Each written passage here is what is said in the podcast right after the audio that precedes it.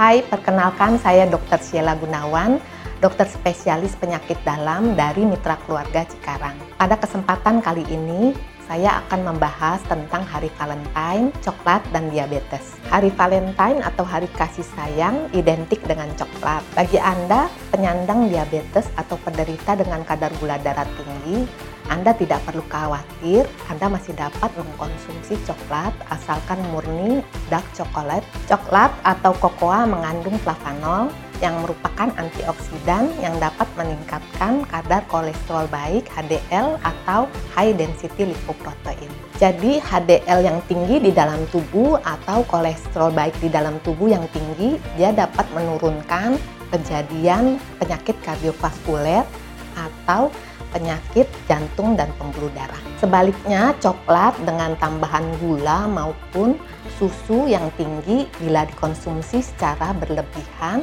akan menyebabkan kenaikan gula darah maupun berat badan bertambah. Kelebihan berat badan dapat menimbulkan berbagai masalah seperti hipertensi, diabetes, dan penyakit jantung. Tips untuk menjaga kadar gula dalam darah, pertama kita cek gula darah secara berkala, dua diet seimbang, tiga menjaga berat badan, dan terakhir adalah olahraga secara teratur. Sekian pembahasan kali ini mengenai Valentine, coklat, dan diabetes. Apabila Anda membutuhkan informasi lebih lanjut, silakan menghubungi mitra keluarga. Sampai jumpa di sesi pembahasan kesehatan lainnya. Happy Valentine semua! Mitra Keluarga. Life, Love, Laughter